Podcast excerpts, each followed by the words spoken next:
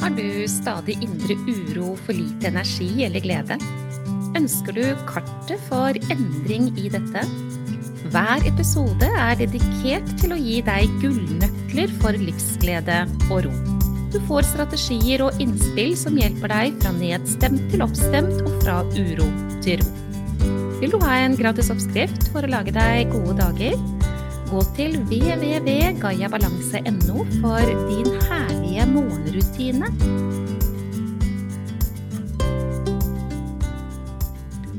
I denne episoden så skal jeg snakke om søvn. Jeg vet at um, i dag i Norge så antar man at over 700 000 mennesker har utfordringer med søvn. Tenk deg det! Hvor mange millioner er vi kommet opp i nå i forhold til antall mennesker i Norge? Ja, men eh, over 700 000 som har utfordringer med søvn. Det er voldsomt, mener nå jeg. Jeg har denne episoden tenkt å snakke om søvn, jeg har tenkt å snakke om forventninger til søvn, jeg har tenkt å snakke om hva søvnutfordringer egentlig betyr, jeg har tenkt å snakke om hva som er de vanligste årsakene til at vi trøbler med søvnen vår. Og jeg har tenkt å snakke om hva det er du må være villig til å gjøre for at det skal bli bedre i forhold til dette med søvn og deg. Jeg har mye å lære deg, så jeg håper at du blir med meg gjennom denne episoden. Og um, enten du har utfordringer med søvn eller ikke, så tror jeg det vil ha verdi. fordi dersom du ikke kjenner deg igjen i det å ha utfordringer med søvn per nå, så er det ganske stor sannsynlighet for at du en eller annen gang gjennom livet ditt kommer til å få utfordringer i forhold til søvn. Aller først um, Hva skjer med et menneske dersom det skjer noe dramatisk i menneskets liv? Enten det er i forhold til en selv, eller om det er i forhold til mennesker man har nære seg. Eller hva skjer i forhold til søvn når et menneske opplever stor belastning?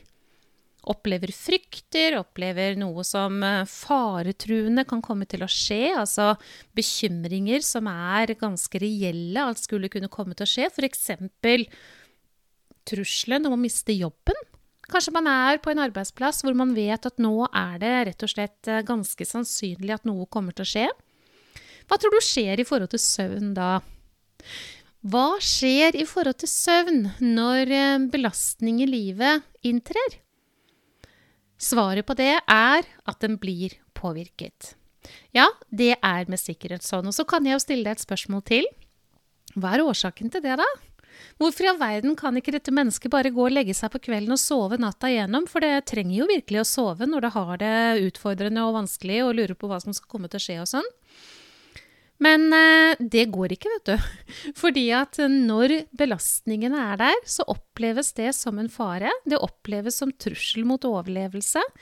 Man er rett og slett innstilt i en eh, hva skal jeg si, fininnstilt for å kunne overleve. Og det betyr også, enkelt sagt, da, at man er nærmest som soldaten på vakt.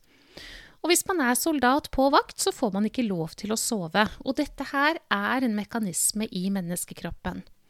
Så når søvnen blir tullete, søvnen blir trøblete, enten det er å ha vanskeligheter med å sovne på kvelden, eller at man våkner opp mange ganger gjennom natta, eller våkner opp og ikke får sove igjen, eller våkner grytidlig om morgenen og føler seg overhodet ikke uthvilt, eller man kan sove hele døgnet også uten å føle seg uthvilt, så er det et symptom på at denne kroppen ikke kan justere i forhold til den stressaktiviteten som er i mennesket. Og det er jo helt fantastisk, for um, ja visst er du fantastisk, mennesker er fantastisk. Og vi kan ikke utsette oss selv for fare og bare overlate til at det skal skure og gå, og at dør vi, så dør vi, liksom. Det er bare det at vi må forstå at denne faren, selv om den ikke er reell, så er det en opplevd fare i fysiologien vår. Og dermed så får vi ikke sove, fordi da er vi veldig sårbare og utsatt for å kunne dø. Ikke fordi vi nødvendigvis skal få hjerteinfarkt, men fordi denne faren vår, som er løven, altså, vi er på det nivået der, bjørnen i skogen og sånn, den tror systemet vårt at faktisk finnes. Og så snakker jeg med mennesker da, som sier at jeg sliter sånn med søvn, vet du, jeg får ikke sove, og jeg, er, og jeg, har, jeg har, ikke sovet på flere år, er det også mennesker som har sagt til meg. Og da må jeg si jeg stusser litt, da, fordi det samme mennesket kan jo sitte foran meg og være veldig tilstedeværende og fortelle meg om livet sitt som uten problemer, og så har man ikke sovet i flere år. Det er rett og slett ikke mulig. Så jeg har lyst til å gi deg et innspill som jeg bare vil du skal ta med deg. Fordi at dette med å ha endringer i forhold til søvn gjennom et langt liv, det er normalitet. Du vet jo at uh, små barn de sover mer. Ungdommene våre begynner etter hvert å trenge litt mindre søvn, men de tror de trenger mindre søvn enn de faktisk gjør. Voksne trenger mindre søvn før vi igjen, de fleste av oss, kommer inn i en periode hvor vi igjen sover mer. Så når vi har blitt litt godt voksne. Men hvis man da har en forventning om at man skal sove som man gjorde det tidligere i livet, når man er i en annen periode, en annen fase av livet, så blir ikke det greit. Fordi da har man jo forventning om at noe skal være som faktisk ikke kan skje. Så det er den første lille sjekken jeg ville ha gjort. Jeg ville rett og slett ha stilt meg selv spørsmålet forventer jeg at jeg skal sove i åtte timer, liksom, når jeg egentlig ikke trenger mer enn seks og en halv der jeg er nå? Jeg har lyst til å komme med et innspill til, fordi som du sikkert har fått med deg, eller kanskje, i hvert fall hvis du har fulgt denne podkasten en stund, så er jeg veldig, veldig brennende engasjert i hva yoga, og da spesielt medisinsk yoga, kan gjøre for mennesker. Og en del av medieyoga, medisinsk yoga, det er å bedrive teknikker som er meditasjonsteknikker. Og det betyr å stilne sinnet og justere absolutt alt vi består av, egentlig. Og når vi har holdt på med dette her en stund, og praktisert andre teknikker også, jeg jobber også med det som kalles for yoga nidra, som egentlig betyr yogisk søvn, som tar mennesket inn i en um, hjernebølge som tilsvarer dyp søvn. Og hvis man holder på med det, så vil man automatisk komme dit hvor man ikke trenger så mye søvn lenger. Og det hender jeg sier til mennesker jeg hjelper, som jeg vet praktiserer teknikkene, at eh, men hallo, du har jo en forventning om å sove så mye som du egentlig ikke trenger. Og det syns jeg du skal justere, for da blir denne her denne tilnærmingen din til at du skulle ha sovet i åtte timer, den er jo ikke riktig. Og du bekymrer deg for noe som ikke er noe å bekymre seg over i det hele tatt. Jeg har også møtt eh, mennesker som er veldig godt voksne, la oss si opp i 70-80-årene, som eh, mener at de har en søvnutfordring. Eh, og da basert på at man skulle ha sovet som man gjorde da man var tenåring. Ja. Da håper jeg at jeg har sagt nok om det. Så en liten sånn sjekkups på hvilke forventninger har jeg til søvn. Og det som kan være lurt å gjøre, det er jo å stille seg selv spørsmålet hvordan føler jeg meg når det er en ny dag? For det viktigste i forhold til søvn, kjære du, ja, det er å bli restituert. Og hvis vi ikke har en søvn som hjelper oss til restitusjon, eller vi ikke har nok søvn så vi ikke får denne restitusjonen, så vil det merkes. Og det går helt fint i perioder kortere perioder, men hvis dette her er noe som varer over lengre tid, så blir det veldig merkbart. Denne her fullstendige opplevelsen av at jeg orker ikke å starte på en ny dag, den vet jeg hva er for noe, sånn hadde jeg det i ganske mange år. Og det er også igjen egentlig et symptom.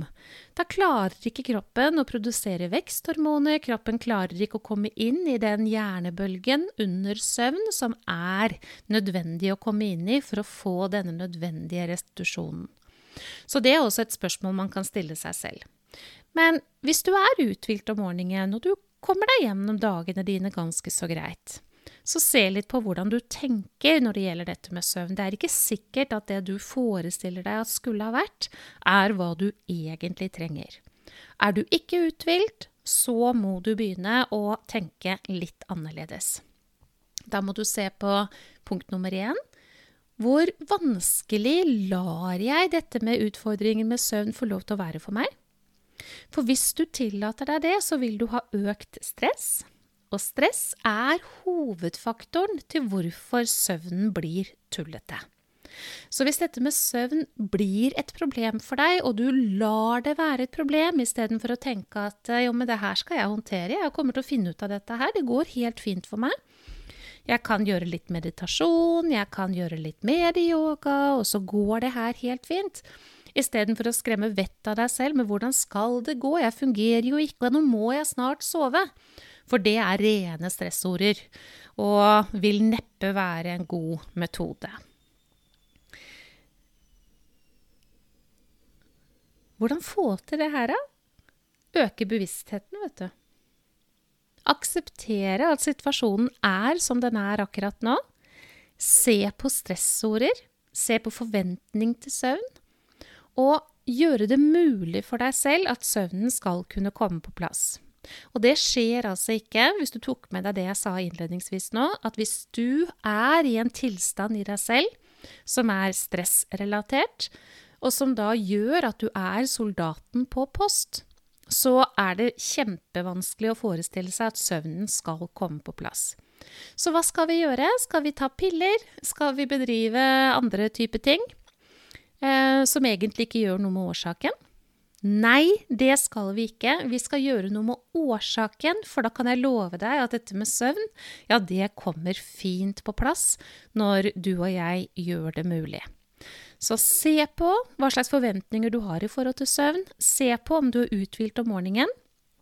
Ta det for med 99% sannsynlighet at dersom det virkelig er en utfordring i forhold til søvn, så har det med stress å gjøre. Og da blir det kjempeviktig å ikke øke stresset ved at dette med søvnutfordringer er en kjempeutfordring, og få satt inn bremsen for stress. Og det er jo alt jeg snakker om i denne podkasten, har med det å gjøre. Effektive teknikker vil være medieyoga, det å bruke verktøy som beviselig får foten på bremsepedalen. Ja, det er kjempesmart. Og jeg har lyst til å si i den anledning nå helt til slutt når jeg stiller spørsmål til mine elever hva de opplever for slags endringer, som de første endringene som skjer når de begynner å praktisere et enkelt og effektivt verktøy mot stress, som medieyoga er, så er det ja, så mange som eh, 97 av 100, jeg tror jeg skal bruke det tallet, som sier at det er søvn. Jeg har ikke sovet så godt på aldri så lenge som jeg gjør nå. Søvnen er annerledes. Jeg er så takknemlig. Og jeg har faktisk, jeg har lyst til å si det absolutt helt til slutt, jeg har kun én eneste gang erfart at det var et menneske som hadde praktisert sammen med meg over eh, lang, lang tid, som sa 'Monica, jeg får ikke orden på søvnen min' og bekymret seg for det. Og der ligger det da, som jeg nevnte for deg i stad, bekymringer i forhold til søvn, som nok helt sikkert ødela en del for vedkommende. Men det som var det viktigste her, det var at hun jobbet turnus. Hun gikk fra natt til dag, fra dag til kveld, fra dag til natt, fra natt til kveld.